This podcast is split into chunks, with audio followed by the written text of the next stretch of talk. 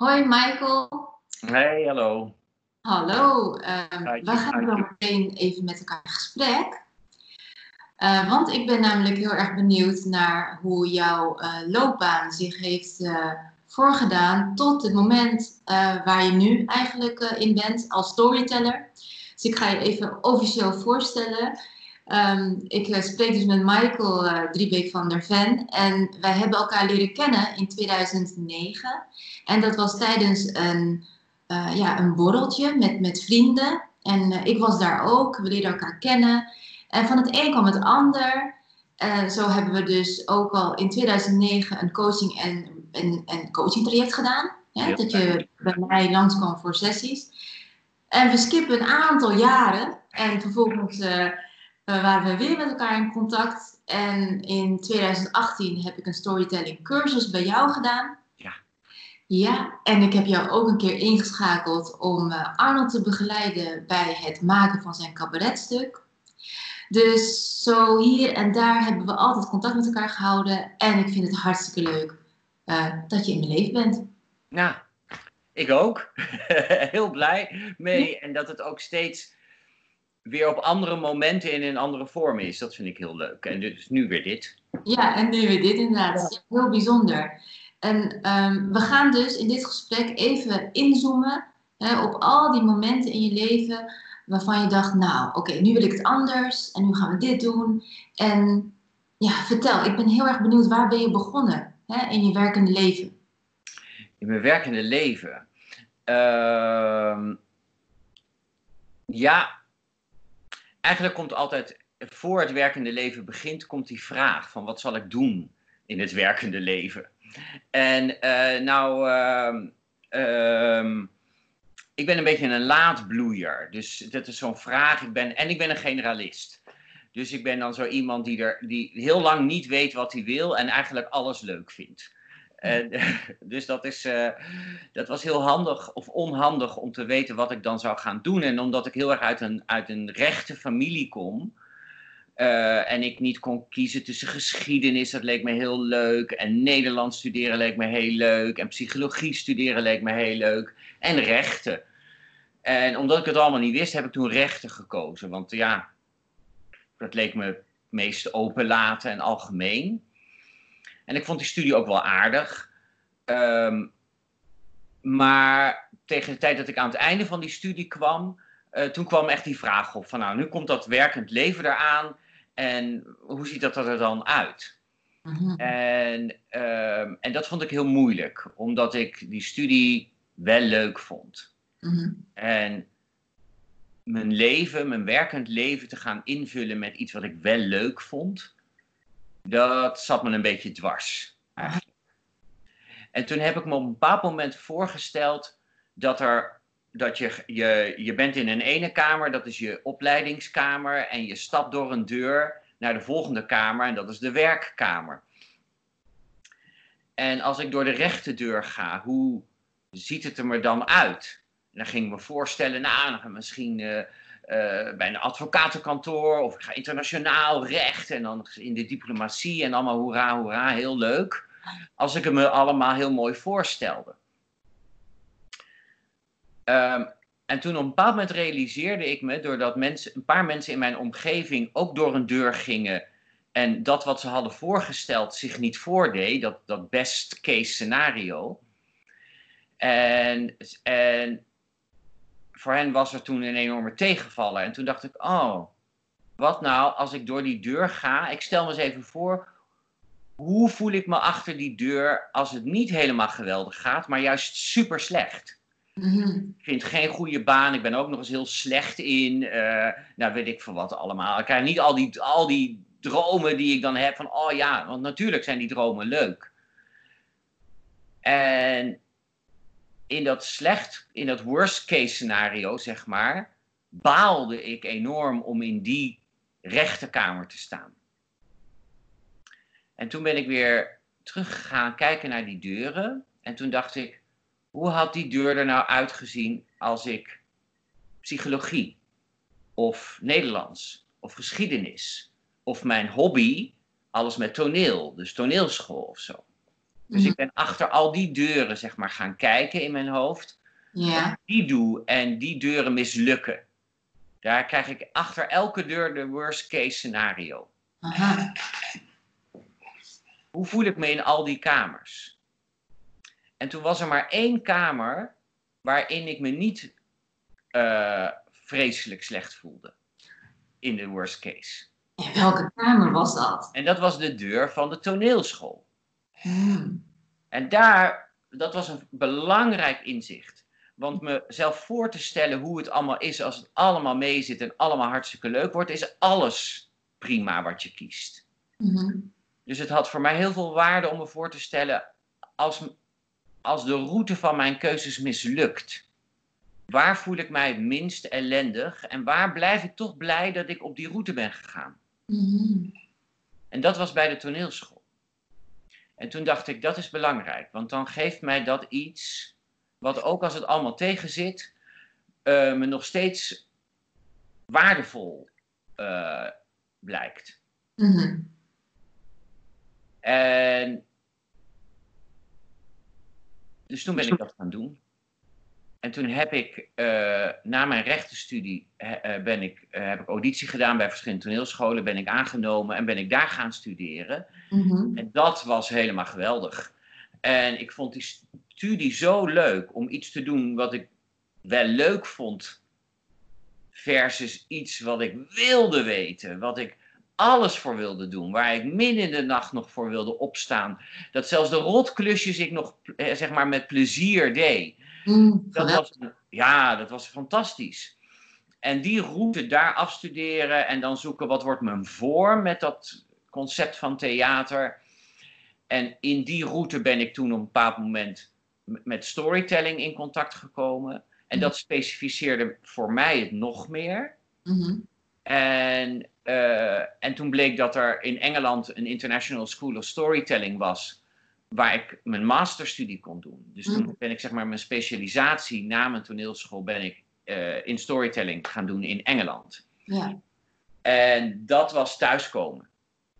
Dus eh, de route heeft mij uiteindelijk. Ik wist door welke deur ik moet gaan. En vervolgens heb ik me heel erg laten leiden door het pad wat, wat zich openbaarde voor mij. Mm. En richting de hoek binnen dat hele gebied waar ik nu sta en waar ik me helemaal thuis voel en in mijn natuurlijke kwaliteit. Mhm. En, ehm, en waarin ik merk dat in dit vak van storytelling ik die toneelschool een plek heb, Mhm. maar ook die geschiedenisstudie, ook die taal, Nederlands, ook eh, psychologie. Ja. Dus mijn rechten, het hele analytische, structurele van rechten, alles komt daarin samen.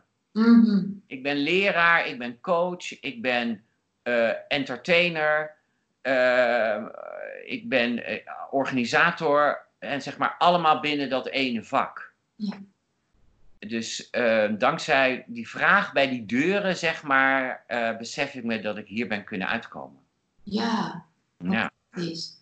Ik was vandaag ook nog in gesprek met een, een dame en zij was begonnen in de muziekregistratie. Vervolgens studeerde ze kunst- en cultuurwetenschappen en eh, ze begon haar werkende leven met een baan als docent Duits. En ze speelt ook piano, geeft pianoles, ze zingt ook. En wat haar conclusie was, dat vond ik ook zo bijzonder om te horen, was juist dat alles wat ze eerder had gedaan, eh, dat leidde allemaal naar wat ze op dit moment doet. En dat is eh, Ja. als energy stylist. Ah. Want alles wat ze deed, daar zat energie achter. Daar zat zij zelf achter. En dat kwam allemaal bij elkaar in één. En jij vertelde net juist dat binnen storytelling kwam eigenlijk alles samen waar al jouw interesses in lagen. ja, precies. Zo, Ja. zo mooi. Ja, dus, dus het lijkt alsof je eerst wegstapt van dingen. Maar als het de juiste stap is, Dan komt alles bij elkaar. dan komt alles weer bij elkaar. Ja, Ja, ja inderdaad. En Michael, ik meende me te herinneren van de gesprekken die we eerder hebben gehad, dat je ook ehm, wel eens hebt gewerkt ergens en dat je toen erachter kwam ja, hoe jouw systeem werkte. Dat je, je, Oh. je bent geen ochtendmens. ja, ja, ja, precies. Ja, ja. Oh, leuk dat je eh, dat herinnert. Ja, dat klopt.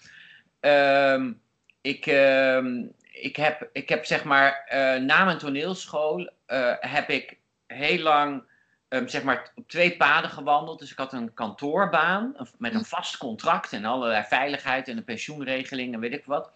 En ja, heel goed. en, en, daarnaast uh, de, het opbouwen van mijn eigen business. Mhm. En uh, gaandeweg ben ik langzaam zeg maar, het ene gaan loslaten. Dat vaste contract, steeds minder uren en steeds meer naar mezelf. En daar heb ik jaren over gedaan, totdat ik nu helemaal, al, ook alweer jaren, um, echt zelfstandig ben. Mhm. um, maar in die zeg maar, contractroute um, kwam ik in een systeem waarin mij werd gevraagd dat ik van 9 tot 5 op kantoor ben. En, en dat deed ik ook. Net als dat ik daarvoor in studie- en schooltijd uh, heb je ook je, ja, je hele maatschappij. School begint om half negen. Hè, alles is zeg maar ongeveer in dat tussen negen en vijf blok ingericht. Mm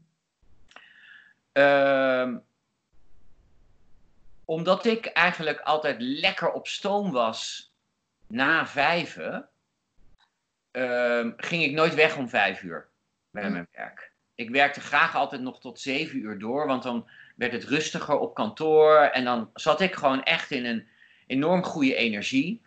En uh, dus toen dacht ik, nou, dan werk ik liever gewoon nog even lekker door om allemaal dingen af te maken. Dus dat deed ik. Dus ik was dikwijls degene die het kantoor afsloot. Het mhm. alarm erop deed en uh, als laatste de deur dicht trok.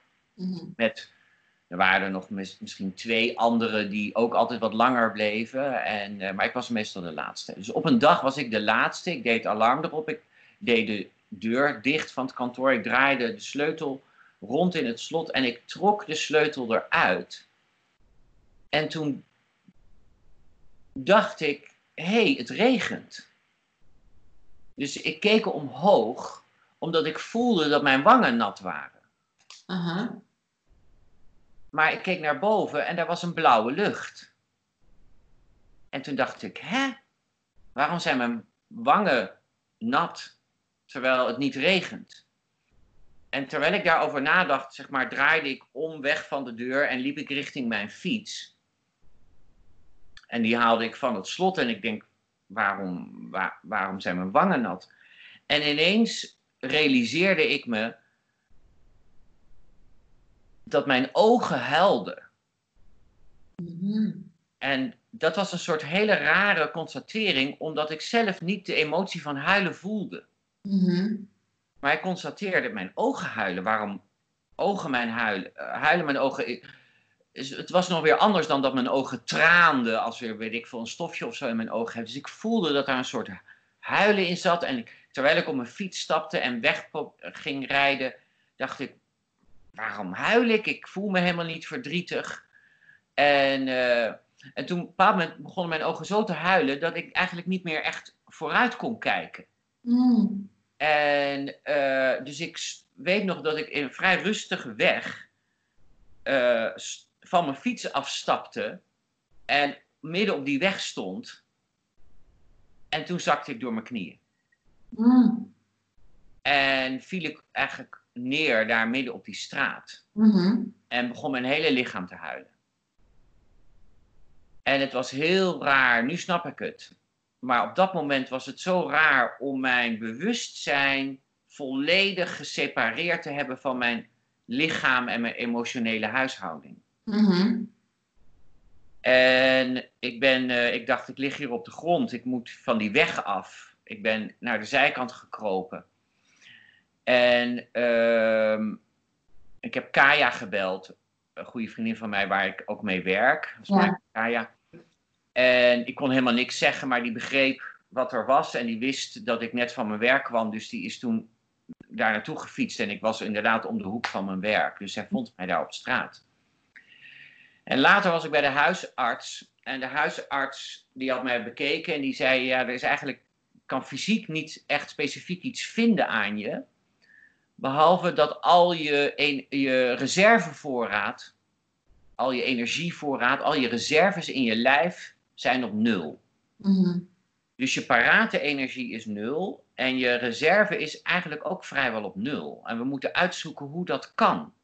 Voor iemand die in wezen een gezond leven leidt, die een, een eh, weet ik veel, in normale omstandigheden is en zo, uh, normaal eet en al, allemaal dat soort dingen.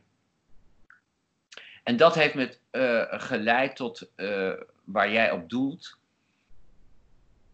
We hebben allemaal testen gedaan en op een bepaald moment heeft mijn huisarts gezegd: Kijk, we zijn eigenlijk allemaal nog steeds holbewoners. Hè, ons lichaam is nog steeds het lichaam van die holbewoner. Mm En deze, mijn huisarts zegt fantastisch, want die kan dingen zo simpel uitleggen dat je dit echt als, als niet-medicus begrijpt.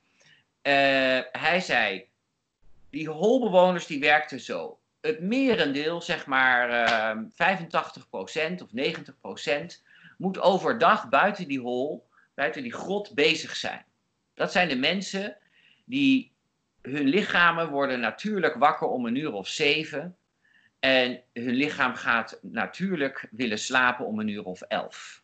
Mhm. Die gaan de grot uit, die verzamelen bessen en jagen en weet ik veel wat ze allemaal doen. En dan komen ze weer terug. Nou, de rest van dat groepje, want daar is onze hele maatschappij op ingesteld. De rest van dat groepje bestaat uit mensen die de vroege wacht hebben bij de ingang van de grot mensen die de nachtwacht zijn en mensen die de vroege ochtendwacht zijn. Mhm. En dat kan je uitvinden door te kijken wanneer zijn je zintuigen het scherpst op mhm. Moment van de dag. Wanneer is je energie het hoogst mhm. moment van de dag. En wat doet je lichaam als je alle tijdsrestricties loslaat? Ja. En dat hebben we gedaan. En dat heeft een paar weken geduurd, eer dat lichaam zich weer in zijn natuurlijk ritme stabiliseerde. Mhm. Maar na een maand of twee werd mijn natuurlijk ritme om één uur gaan slapen mhm. en om negen uur wakker worden. Daar hoef ik geen wekker voor te zetten. Dat doet het vanzelf. Mhm. Voor het eerst in mijn leven hoorde ik een stem die zegt: Zullen we gaan slapen? In mezelf. Mm En die ik nooit had gehoord. Mhm. Voor het eerst word ik wakker omdat mijn lichaam in al zijn lagen wakker is. Mijn ziel, mijn geest, mijn lijf, alles. Wat bijzonder. En ik ben van nature al een vrij wakker en actief mens. Mhm. En ik kon me niet voorstellen dat ik nog wakkerder kon zijn dat alles nog helderder is. En dus dat, sindsdien doe ik dat. Mhm. In principe werk ik niet voor 11 uur. Ja. Dat ik tussen 9 en 11, soms wel als het moet, maar in principe tussen 9 en 11 gewoon kan wakker worden, ontbijten, al die dingen. Ja. En, uh, en ik ga naar bed als mijn lichaam zegt, zullen we gaan slapen? En niet als mijn hoofd dat zegt, of mijn wekker, of mijn agenda. Mm ja, ja, dus je hebt die, in die periode van herstel heb je heel goed naar je lichaam, geest en ziel uh, ja, geluisterd. En, en wat jij nodig had. Ja, ja, ja. En dit is nu ook alweer 15 jaar geleden of zo, dat mhm. dat inzicht is gekomen. En, uh, en ik vind het echt heel belangrijk. Ik ben dus die holbewoner die in het begin van de avond bij de ingang van de grot zit. Ja. Want dan zijn mijn zintuigen het scherpst. Mhm. En dan kan ik het beste, weet ik veel, wat voor onveiligs richting die grot komt waarnemen en horen wat er achter me gebeurt en zo. In de grot. Ja. Uh, dus, dus ik snap dat nu. Dus dan mhm. kan ik mijn leven daarop inrichten. Ja, en merk je ook dat hè, als jouw zintuigen dus het sterkst zijn, um, zo eind van de middag, begin van de avond en dan tot, tot later, dat dat de uren zijn dat jij aan het creëren bent? Uh, ja, alhoewel het creatieproces gaat eigenlijk ook weer door allerlei lagen heen. Mm. Ehm, ik denk zeker, zeker met meer artistieke processen, maar wellicht ook met alle andere processen. Uh, er zijn momenten in zo'n proces waarin je heel actief bezig bent met iets, met het uitzoeken van iets of weet ik veel wat. En er zijn de momenten waarin het een soort achterin je bewustzijn aan het doorechoen is. Mm. En die zijn heel belangrijk, omdat dan gaat er een ander, ander gedeelte van je bewustzijn staat open, Ja. waarin het niet per se logische deel zich kan openbaren. Ja. En dat is heel belangrijk in een, in een creatief proces, omdat als je alleen maar op de weg van de logica blijft, dan krijg je een voorspelbaar iets en blijf je eigenlijk binnen de lijnen van alles wat daarvoor is. Mm. En juist bij het creatieve proces wil je ontdekken wat is er buiten de hekken waar we nog niet zijn geweest. Ja. Dus, dus, ehm, ja, dus heel veel van mijn proces is enerzijds letterlijk, logisch uitzoeken, dingen bij elkaar halen. Bijvoorbeeld voor een verhaal, hoe zat dat dan allemaal? Waar was dat? Weet ik veel. Structuurdingen, feiten. En er is een heel proces om eigenlijk het onderbewustzijn zich te laten openbaren Ja. ja, tot je te spreken op een soort wat zweverige manier gezegd misschien, maar, maar en, dat, en daar ben ik wel me continu bewust van. Dus als ik bezig ben, ook nu, zijn die andere processen ook gaande. Ja. Is er een gedeelte van mij dat alert is voor het ontvangen van iets wat ineens, ah, dat kan daar. Ja, en dat zijn echt de beste momenten. Want ik, ik ken ze ook. Eh, het kan er ook voor zorgen dat ik dan eh, 's ochtends om zes uur wakker word om even naar het toilet te gaan. En dan denk ik, oh, oh, dit wil ik even opschrijven. Of Ja. dit verhaaltje, dat, wil ik, dat moet ik echt nu even opschrijven. En dan kan ik ook niet meer slapen, moet ik opstaan. En dan kruip ik op mijn laptop. Ehm, ja, of het zijn echt die momenten, bijvoorbeeld tijdens de afwas of even onder de douche. En als ik dan ja, mijn, mijn tanden heb gezet in een project dat ik wil afmaken, of een schrijfproject of een videoproject, dan, dan komt het gewoon. En het Ja. is, het is dan ook niet meer te stoppen. En, en dat vind ik ook wel ergens een beetje vermoeiend daaraan. Maar, dus soms moet ik er ook echt even uitstappen. Gewoon helemaal even uit een Ja. creatief proces stappen. Eh, omdat het eh, ja, eigenlijk continu bezig is Ja, wanneer ik erin zit. Ja, ja, ja, precies, precies. Ja, en het is ook, de Engelsen die zeggen, when the hands are working, the mind can start to wonder. Ah, En dus het zijn ook precies die momenten waarin je dus met iets fysieks be- bezig bent, als afwassen of zo. Ja. Hè, ehm, dat de geest eigenlijk en de spiritus vrij is. mm, Die hebben even speelkwartier. Ja, Hè? Want die zijn niet nodig bij die, bij die hele praktische handelingen. En juist die praktische handelingen zijn de momenten waarin je eh, creatief gezien heel veel kan oogsten. mm. Oh, dat heb je mooi gezegd. Ja, Ja, dat het hoofd kan, ja, van dwalen. kan dwalen. Ja, mooi. Ja. Ja. Hey, ehm, en om even een bruggetje te maken van het creatieve proces en, en, en ja, jouw werk als storyteller. Je hebt eh, verschillende opdrachten. Eh, je geeft cursussen. Ehm, waar, waar ben je momenteel mee bezig? Ehm, nou, zoals je weet, ik heb eigenlijk drie petten. Eén pet is ikzelf als storyteller die de wereld rondgaat om allerlei workshops en vertellingen en zo eh, te doen. En op dit moment natuurlijk minder. Ehm, dan heb ik het pet samen met Kaya, waar ik het al eerder over had, waarin we in feite eigenlijk hetzelfde doen, maar waar we bijvoorbeeld ook heel veel lesprogramma's maken voor, voor musea en voor scholen en voor bedrijven. En dan heb ik de pet DISC. En Ja. DISC is het eh, eh, Dutch International Storytelling Center dat ik run. En waar we ehm, storytelling cafés houden, waar mensen lekker kunnen luisteren naar verhalen, waar we workshops geven, waar mensen het, het, het, het ambacht van vertellen en de technieken daarvan kunnen leren of hoe ze die kunnen toepassen. En, en dan hebben we talks waarbij we mensen uitnodigen die vertellen hoe zij op professioneel gebied werken met die verhaaltechnieken. Ja, En, ehm, en op dit moment ehm, vanuit DISC ehm, zijn we heel erg bezig met, met name die cafés zijn we nu via Zoom gaan doen, omdat natuurlijk vanwege de lockdown we niet samen kunnen komen en elkaar wel willen ontmoeten. mhm, En dan doen we elke tweede zaterdag van de maand, komende zaterdag, negende is het ook weer.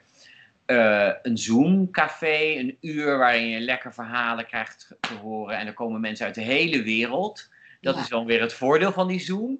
Ja. Dus ik, mensen uit Argentinië hadden we, en Syrië, en ehm, Engeland, en noem maar op.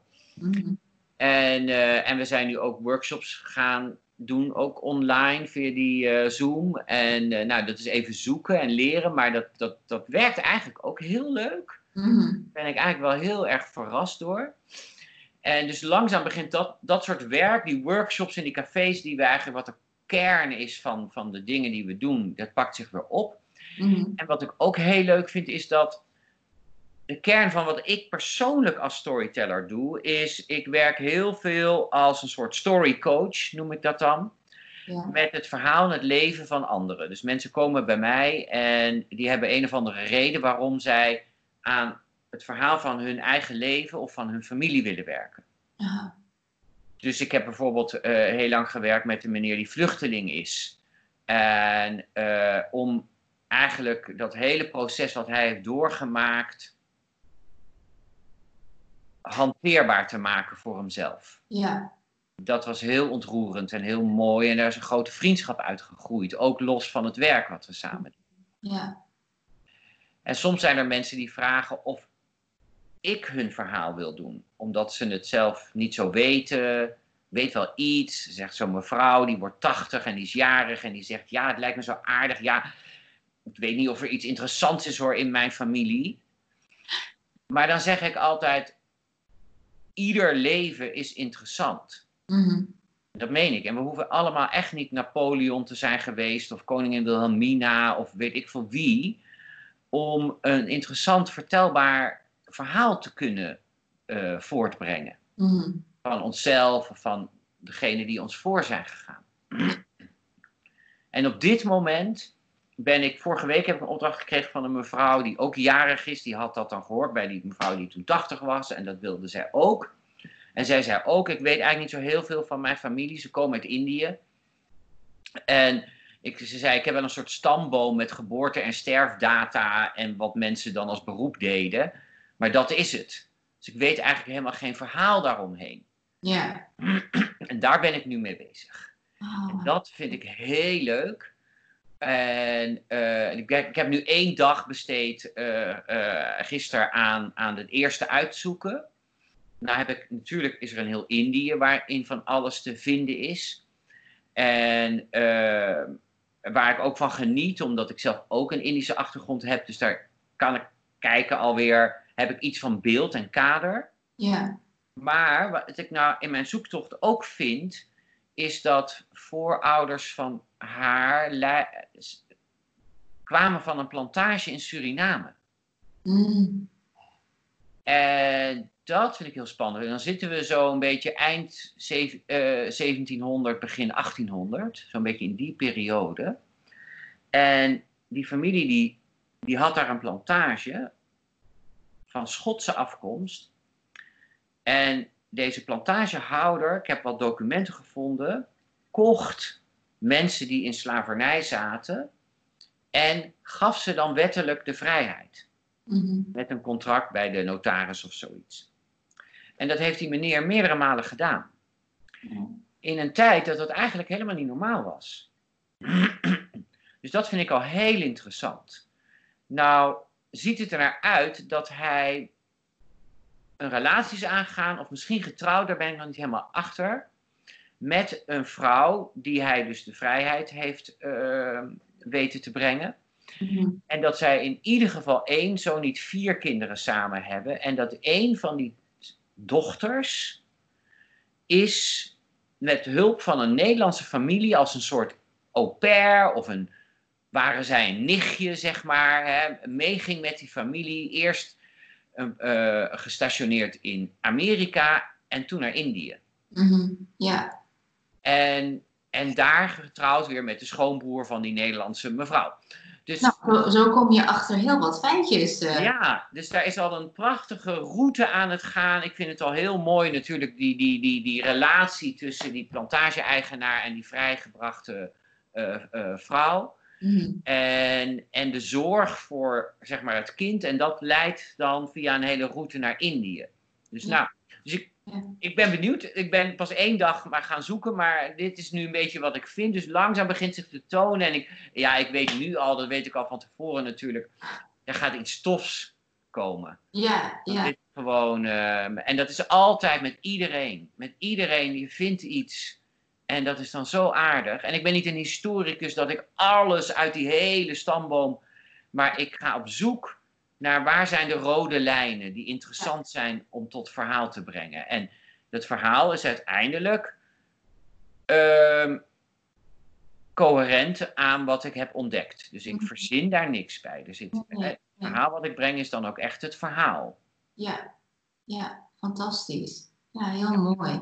Ja, dus daar ben ik nu mee bezig. Ja, nou, heel mooi. Heel Nou, leuk. Michael, ehm, we hebben het echt over van alles nog wat gehad. Ja. Eh, ja, en wat ik ja, zo leuk vond om te horen, ja, aangaande dat creatieve proces, is ehm, ja, dat, dat het hoofd mag gaan dwalen wanneer je iets met je handen doet. Ja, Ja, fantastisch. En dat moet je gewoon een keer horen. En dan hè, bij elke keer dat je het dan meemaakt, word je er gewoon helemaal bewust van. En eh, ja, is echt, dan kan je het gewoon laten werken, toch? En, Ja. en, en inderdaad, gewoon tot je laten komen. Daar, ik vind daar echt helemaal niks zweverigs aan, overigens. Echt, ja, het komt tot je en, ehm, en, dan, en dan kan je het gaan delen. ja. Ja, ja, absoluut. Dus, hey Michael, ik wil je hartstikke bedanken voor je tijd. Hè, dat we hier even met elkaar hebben mogen zitten. Eh, en dat je ons een inkijkje hebt gegeven over ja, hoe jij je keuzes maakte. Mhm. Dankjewel. En dank jou wel voor eh, dit te vragen. Ik vind het superleuk eh om samen met jou hierin te zitten. En dat jij inspirerende mensen, zeg maar, op het voet, eh, in het voetlicht zet. Dus dank je wel daarvoor. Ja, you are inspiring. Ja, maar ik heb het over die andere mensen die je ook al hebt geïnterviewd. Die bedoel ik eigenlijk.